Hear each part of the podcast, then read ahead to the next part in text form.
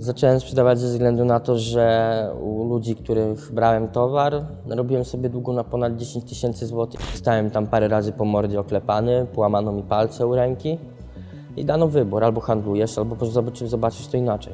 Dostałem pierwsze 50 gram, miałem na to dwa dni i w ciągu dwóch dni musiałem to upłynnić. Wchodzisz do klubu poza kolejką w ogóle. Piszesz tylko bramkarzowi SMS-a, że jesteś. Żyłem jak chciałem, nie? Ja wchodziłem do klubu i ja 2000 to wywalałem przez noc ze znajomymi, nie? Ja stawiałem, ja byłem panem, ja miałem przyjaciół. No, potem tych przyjaciół już nie było.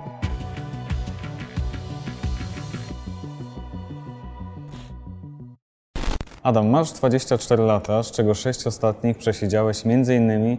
za handel narkotykami. Dlaczego zgodziłeś się na rozmowę? e, żeby pokazać i być może komuś przemówić do rozsądku, dlaczego co potrafią prochy zrobić z ludźmi, do czego doprowadzić. Jak łatwo sobie można zniszczyć życie przez pół roku ćpania i handlowania. Jak to się u Ciebie zaczęło? A miałem chyba 16, 16 lat. Zacząłem, poszedłem na pierwszą imprezę, to już były czasy koniec gimnazjum, zacząłem liceum. No i na imprezie kolega miał amfetaminę, do którą, którą posypał. Ja już byłem dosyć mocno wcięty po paru browarkach, więc zgodziłem się na tą pierwszą kreskę. Potem poszła druga kreska. Było fajnie, bo to stan euforii, było, było zajebiście po prostu. Ale trzeba się rozejść do domu, no i się skończyło. I był problem z zaśnięciem. Nie mogłem kompletnie zasnąć, więc do tego kolegi, który miał to na imprezie, zadzwoniłem, załatwiłem sobie kolejną działkę. To była sobota, jakoś koło 12. Wziąłem tą kolejną działkę i usnąłem dopiero gdzieś następnego dnia w niedzielę rano na ten czas był spokój. Ale przed kolejny weekend, kolejna impreza i, znowu się zaczęło. Chciałeś to powtarzać. Tak, to już wtedy było fajnie, nie? Najpierw zaczęło się tak, że przez pierwsze dwa miesiące to były tylko weekendy, imprezy. Ale już zacząłem być po dwóch miesiącach na tyle bezczelny samemu sobie, że zacząłem ćpać w tygodniu. Potrafiłem do szkoły przyjść naćpany, na lekcje, po szkole iść się naćpać. Tak się zaczęły, że moje maratony trwały po trzy dni, spanie, chwila przerwy nauki, jakieś nadrabianie jedzeniem i, i znowu zacząłem ćpać. Wciągnąłeś się niemal natychmiast. Tak, bo, bo było to fajne, bo mi się to podobało i, i poz, zacząłem poznawać ludzi, masę ludzi przez to. Jakby nie patrzeć, dużo ludzi poznałem przez to, że ćpałem, że miałem towar przy sobie, kogoś poczęstowałem, ktoś się odezwał, zaprosił i to się tak nakręcało. Miałeś pieniądze? Pieniądze były do pewnego czasu, dopóki nie musiałem zacząć kraść z domu, bo dosłownie zacząłem brać rzeczy z domu, typu pierścionki mamie, jakąś biżuterię, jakiś sprzęt swój RTV, Xboxa czy PlayStation, czy nawet telewizor zostawiałem w Lombardzie, szedłem do dealera i kupywałem za to wszystko działki. Mama widziała, że znikają przedmioty z domu? E, zaczęła się, zaczęła to zauważać po jakimś miesiącu czasu, ale ona chyba wtedy myślała, tak jak mi powiedziała, że, że na coś te pieniądze mi były potrzebne, na jakieś tam wycieczki czy coś. Ja zawsze mówiłem, że na to wycieczka szkolna, no to na to potrzebowałem, no odpracuję. Ale prawda była inna. Ja z domu wyniosłem chyba samych rzeczy za około 10 tysięcy złotych i ja to wszystko przećpałem. Doszedłem do takiego etapu, że ja rzuciłem szkołę, żeby po prostu chodzić i ćpać. Zacząłem grać na maszynach, więc wciągnąłem się też jakiś hazard. Dużą część pieniędzy przepierniczałem na maszynach. To, co wygrałem, szło na towar. Tak to się zaczęło wszystko. W ciągu trzech miesięcy ja już ćpałem grubo. Dlaczego mama ci wierzyła? Wycieczka? Wiesz co, myślę, że chciała wierzyć, że podejrzewała, ale nie chciała chyba sobie dać, dać jednak tego do myślenia, że, że coś jest nie tak, że mój wygląd, bo ja zacząłem momentalnie chudnąć, moje zęby zaczęły być w coraz gorszym stanie, to, że nie śpię po nocach, albo że znikam z domu na jakiś czas, że, że jednak coś robię, że nie wiem, wymyślała chyba sobie sama. Do tego czasu to się wydarzyło później. W pewnym momencie to ty zacząłeś sprzedawać. Tak, zacząłem sprzedawać ze względu na to, że u ludzi, których brałem towar, robiłem sobie długo na ponad 10 tysięcy złotych. Nie wiem nawet skąd, jak, oni, jak to się wyliczyło, nie pamiętam w ogóle. Wiem, że dług był i trzeba było spłacić i albo miałem wybór zostać pogrzebany żywcem, albo by mi zrobili coś mojej rodzinie, mojej mamie, moim siostrom, albo ja zacznę dla nich pracować i latać z tematem. Takie usłyszałeś ultimatum? Te Tak, ja padły? dostałem spakowany do samochodu o drugiej w nocy spod domu, jak wracałem i powiedziano mi, albo robisz to dla nas, albo zaraz poznasz, co to jest, co to jest życie, którego nie chciałbyś doznać. Zosta- Zostałem tam parę razy po mordzie oklepany, połamano mi palce u ręki i dano wybór, albo handlujesz, albo zobaczysz to inaczej. Co to byli za ludzie? E, To byli ludzie, których ja poznałem przez tego gościa, który miał to na imprezach. Ja w pewnym momencie, on już nie miał, więc ja chodziłem do nich i od nich brałem. Oni, to była grupa, grupa składająca się tam z jakichś kibiców, pseudokibiców, yy, którzy, którzy, jak się później okazało, otworzyli dość duży gang. I ja nie wiedziałem jeszcze na początku o tym, czym oni, czy myślałem, że oni tylko mają i sprzedają. No, tu się okazało, że, że to nie są osoby, które, z którymi chciałoby się mieć jakikolwiek kontakt. To byli zwykli gangsterzy po prostu, dla których życie, życie ludzkie się nie liczyło, liczyły się tylko zyski i zyski. To było ich, nie było żadnych zasad dla nich. Nie, żeby zyskać, oni potrafili nawet zabić. Decyzja była oczywista, czy jednak się wahałeś? Decyzję podjąłem chyba w 3 minuty, że, że ja też mogę coś z tego mieć, więc tak, zacząłem handlować. Dostałem pierwsze 50 gram, miałem na to dwa dni i w ciągu dwóch dni musiałem to upłynnić, więc zacząłem chodzić spośród znajomych, których znałem, sprzedawać im. Oni załatwiali mi kolejnych klientów. Ja wchodziłem gdzieś do klubów, gdzie były opłaconi bramkarze, gdzie wiedzieli, że ten ktoś ma towar, oni mieli za to pieniądze i profit, a ja miałem stać w klubie i handlować. I tak to wyglądało przez pół roku, dosłownie pół roku. Jak to się odbywa, taki handel w klubach? Wchodzisz do klubu poza kolejką w ogóle. Do, piszesz tylko bramkarzowi SMS-a, że jesteś. E, tutaj w bieliźnie, w spodniach, w skarpetkach masz porozdzielane działki. Tam nie brało się więcej nigdy niż 25 gramów do klubu. I w tym klubie ludzie, którzy chcieli wiedzieć, gdzie szukać, chodzili zazwyczaj do łazienki. Do łazienki albo na palarni i szukali. I jak znaleźli, to albo ktoś już, tak jak ja byłem już jakimś starszym bywalcem, to ludzie wiedzieli, do kogo zgłosić się. No i przychodzili, brali działki. Nie miałeś problemu z pozyskaniem klientów? Z pozyskaniem klientów nigdy nie było problemu, bo do mnie zgłaszali się na tacy ludzie, no, których bym nie podejrzewał. Był ksiądz, była matka z dziećmi, która sobie co dwa tygodnie potrafi, lubiła, dając dzieci dla męża, przyćpać po prostu z koleżankami w domu. Ćpali ludzie od 16 do 50 roku życia. Nie było nigdy z tym problemu, żeby pozyskać klienta. Zawsze, zawsze ktoś był i zawsze ludzie dzwonili 24 na dobę. Nie było tak, że telefon wyłączyłeś, jak włączyłeś, to dostałeś opierdol za to, że, że cię nie ma, nie? Że, że Od ty masz klienta, być- tak? Że ja czekam, ja mam kasę, ty masz do mnie przyjechać. I to był ten problem, że... No i człowiek wtedy cały czas ćpał. Ja na przykład brałem 100 gram amfetaminy, rozrabiałem to, z czego 20 gram amfetaminy brałem dla siebie i te 20 gram ze znajomymi w ciągu weekendu potrafiliśmy wyćpać. To były kolosalne ilości, bo to tak zniszczyło człowieka, jego zachowanie, że w pewnym momencie narkotyki stały się dużo ważniejsze niż, niż nie wiem, niż jedzenie, picie, tylko by się naćpać. Cały czas jest to, aby się naćpać. Domyślam się, że dosyć szybko ten dług, te 10 tysięcy spłaciłeś. Wiesz co, nawet nie wiem, kiedy to spłaciłem. W, w pewnym momencie ja po prostu, oni chyba traktowali mnie jak jednego ze swoich, bo przynosiłem bardzo dobre zyski. Przynosiłem przede wszystkim bardzo dobrą gotówkę. Nie tylko gotówkę, bo i fanty, laptopy, telefony. A skąd fanty?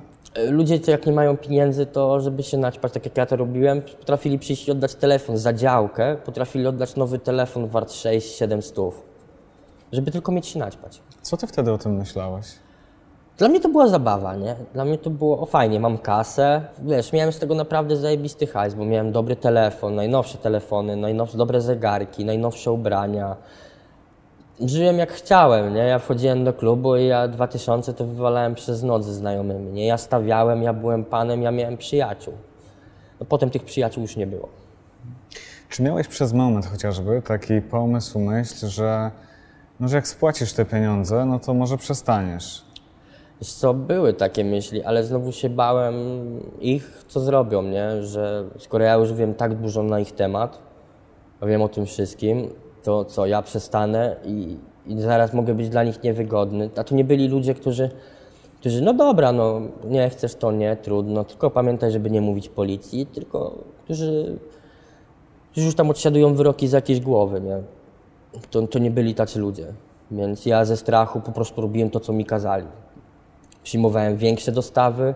W końcu doszło do tego, że ja wsiadałem w pociąg i na przykład z punktu A do punktu B przewoziłem kilogram amfetaminy. Spotykałem się z innymi ludźmi, którzy, wyglądali jak z dwa na dwa szafa i, i dostawiałem im towar i wracałem. I tak to wyglądało, że ja w pewnym momencie jeździłem w pociągach. W pociągu też się zdarzało ćpać, jak człowiek nie wytrzymał. Na tym się zarabiało, na tym była kasa, na tym była zajebista kasa. A nie miałeś obaw, że no pewnego dnia wpadniesz, sprzedając na przykład działkę niewłaściwej osobie? Ja doszedłem do czegoś, znaczy wpaść, ja wiedziałem, że w końcu, że, że ja już wiedziałem, że prawdopodobnie jestem obserwowany, No właśnie. że może być za chwilę tak, że zapuka o 5 rano ktoś i, ale nie, jakoś się tym nie przejmowałem. Ja w pewnym momencie ćpając miałem takie halucynacje, że, że zacząłem w końcu sam sobie nie ufać, nie wiedziałem co się dzieje i powrót do domu był na piechotę. 10 kilometrów, ja szedłem na piechotę w strachu, co chwilę się oglądając, czy ktoś za mną nie idzie. Taki człowiek miał już halucynacje. I w pewnym momencie zdałem sobie sprawę, że że tak, mogę wpaść, ale cóż, co będzie, to będzie, nie? Byłeś bezsilny wobec tego? Tak, ja już nie wiedziałem, czy, czy ja jestem już w tym momencie naćpany, czy, czy jestem trzeźwy. Nie, nie potrafiłem tego odróżnić. Dla mnie bycie naćpanym było zajebistym uczuciem. To było to, co chciałem. Jak wygląda ten biznes od kuchni? Dostajesz, zaczyna się od grupy osób, które to produkują. No, wtedy był, ja byłem raz, cztery razy w tym miejscu. To był taki dom, gdzie na górze żyła normalna rodzina.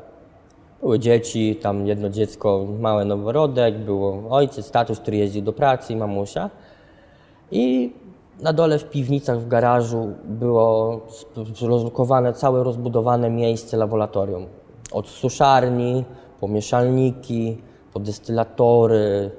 I to się od tego zaczynało. Zwykły dom, tak? Zwykły dom, w zwykłym domu. Ludzie, sąsiedzi, gdy tam wpadła policja, nic nie wiedzieli. Myśleli, że to jest normalna rodzina, która pracuje, ma dziecko. Robili grilla, zapraszali ludzi nawet na podwórko. A w środku trwała najlepsza produkcja, gdzie dziennie tam wychodziło kilkanaście kilogramów amfetaminy.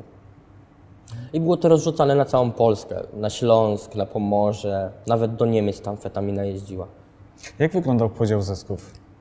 Wiesz co, ja miałem tak naprawdę gówno do powiedzenia w tym wszystkim. Ja miałem tylko sprzedawać, przynosić zysk, miałem z tego zysk i miałem zysk od kuriera. Czyli jak jeździłem z kilogramem, przypuśćmy, kilogram amfetaminy przewożę z punktu A do punktu B, to miałem opłacony pociąg, bilet, w tom i z powrotem i miałem z tego 10% zysku.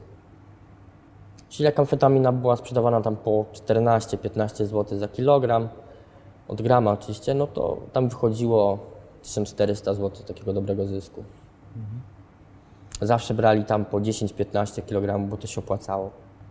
A kiedy sprzedawałeś, jaki był To ja Twój udział? Tego zysk, wtedy dzieliliśmy to pół, ja miałem tak, że ja płaciłem od tego, co biorę. Czyli jak brałem 100 gram, to płaciłem 20 zł od grama i reszta zysku była moja. Oprócz tego, co dostałem do klubu, no to tylko jak to, to co miałem do klubu już podzielone, dostawałem od nich, szedłem do klubu i z tego się tylko rozliczałem. Czyli tam wychodziło mi 20 zł do 30 za grama od klub, w klubie. No i do czasu. Do czasu.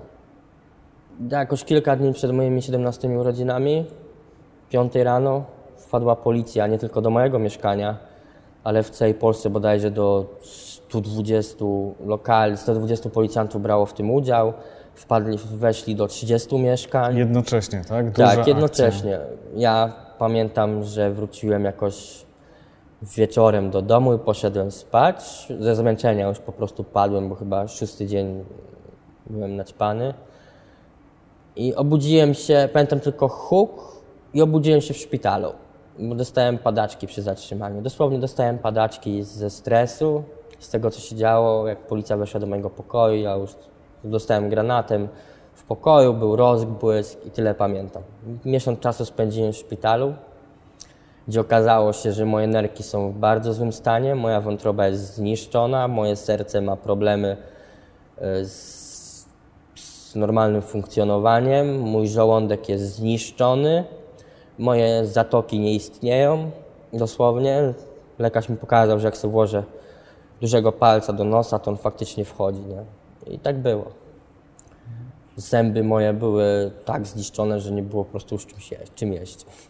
I miesiąc czasu spędziłem w szpitalu, gdzie byłem przesłuchiwany codziennie przez prokuratorów, policję, prokuratorów, yy, przez osoby z Centralnego Biura Śledczego i codziennie po 6-7 godzin cały czas były przesłuchania. Mówiłeś, sypałeś, czy nie? Przez pierwszy moment nie wiedziałem w ogóle, co mam robić, więc odmówiłem składania jakichkolwiek zeznań, ale przyszedł, a dostałem adwokata, znaczy nie dostałem, przyszedł do mnie adwokat wynajęty przez rodzinę, który mi powiedział już, co się zaczęło dziać, kto zaczął sypać i że grozi mi aż do, do 12 do 15 lat więzienia mi zaczęło grozić, bo wtedy na pewno sprawa by, nie byłbym karany jako młody, ale jako dorosły człowiek. Jak się przyjmuje taką wiadomość? Czy ty miałeś Ja, ja świadomość. Ja konsekwencji? przez pierwszy miesiąc cały czas po prostu wyłem. Mi było wstyd, bo ani rodzina nie mogła do mnie przyjść do szpitala. Ja byłem cały czas pod ochroną, jak najgorszy przestępca. Ja byłem przykuty do łóżka nogami, jedną ręką. Do tego zostało czterech policjantów w kamizelkach kuloodpornych z karabinami na zewnątrz, na dole dwóch i ja byłem cały czas pilnowany żebym nie uciekł, żeby coś się nie stało. I, i, tak to wyglądało niestety. Kiedy miałeś okazję porozmawiać z mamą?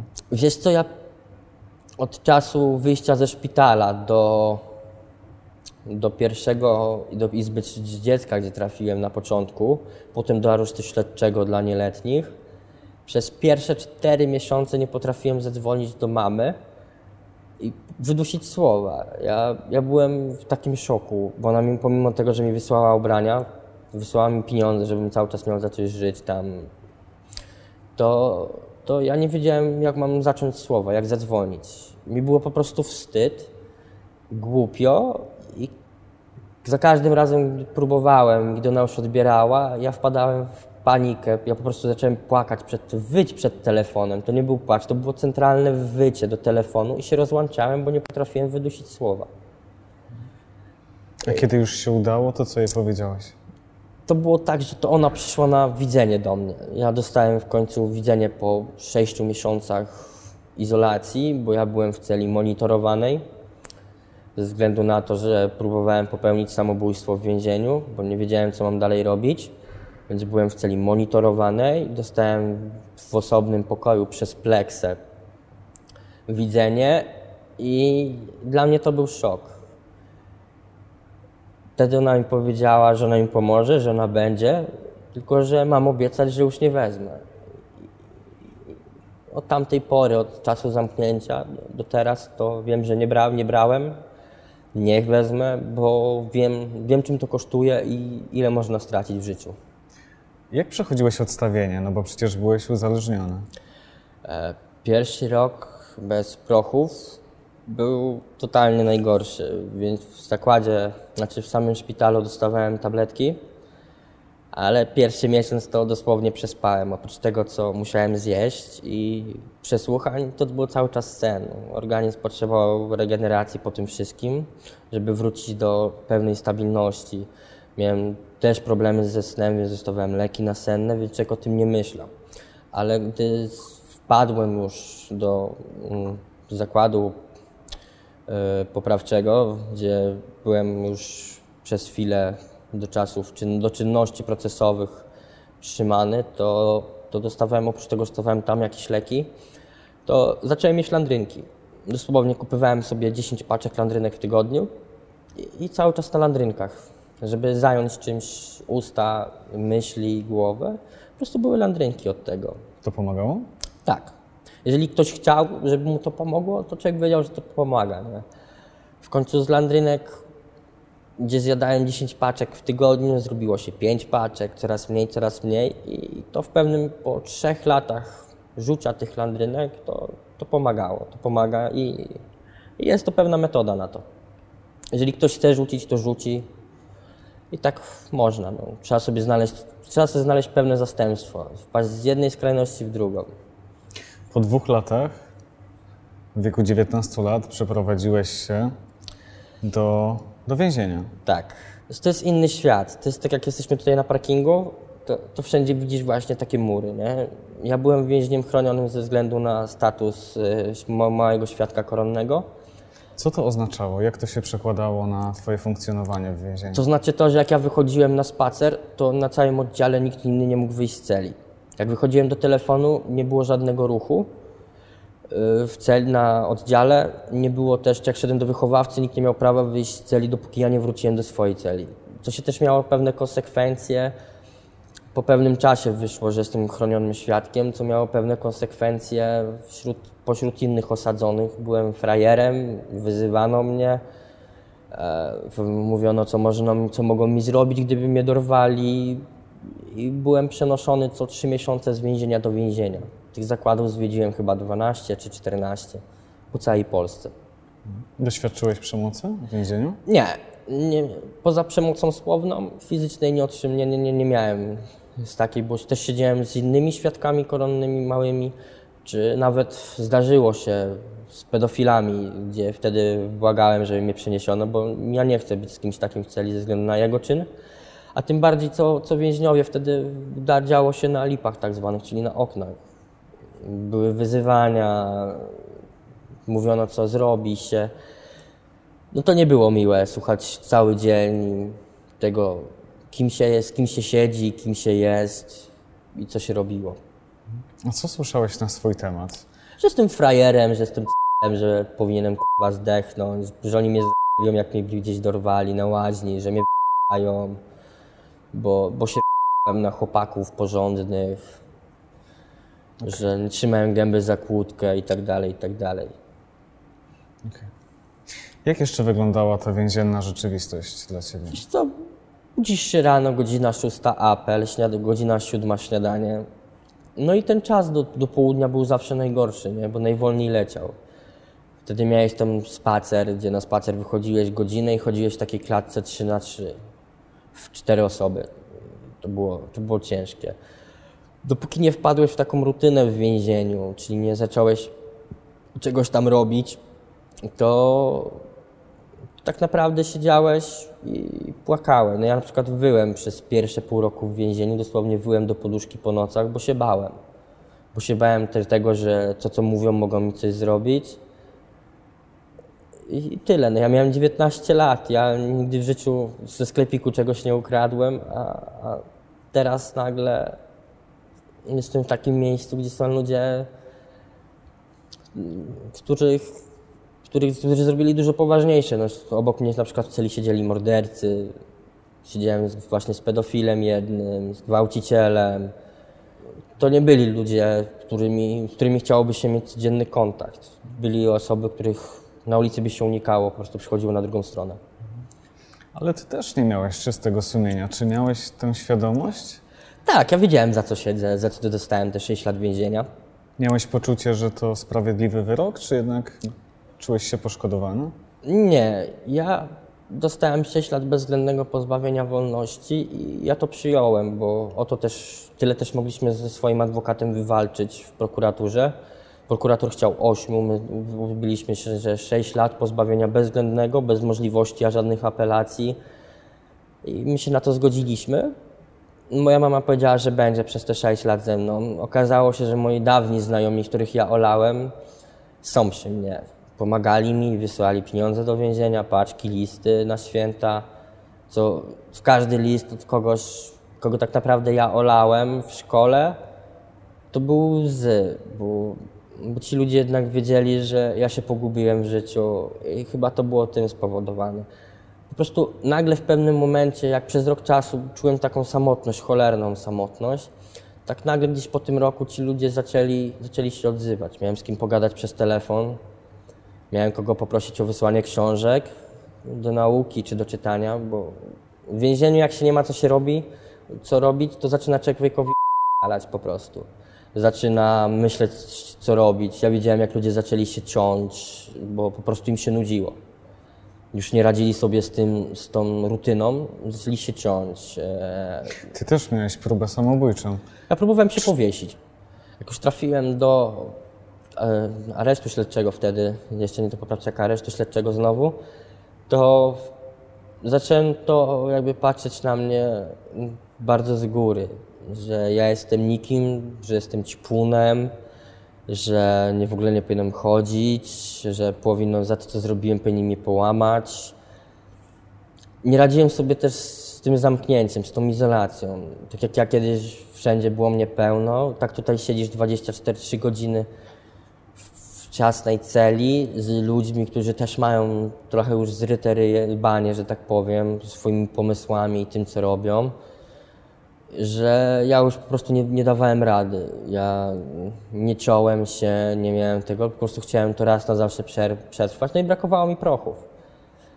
Znowu przy taki moment przychodzi taki kryzys raz na jakiś czas u osoby, która jest uzależniona, że, że on jest w stanie zrobić wszystko, żeby wziąć, żeby chociaż dostać kreseczkę. Dziś próbujesz ułożyć sobie życie zupełnie na nowo. Jak ono wygląda? Jak je układasz? Wiesz co, przede wszystkim podcinałem się od tych osób, z którymi, z którymi się ćpało, z którymi się imprezowało. Nie chodzę już do klubów, raczej spotykam się tylko ze znajomymi. To jest tak, że idziemy na dwa piwa, to jest max, wracamy, zjemy coś, jakiś film na Netflixie czy coś i to się żyje.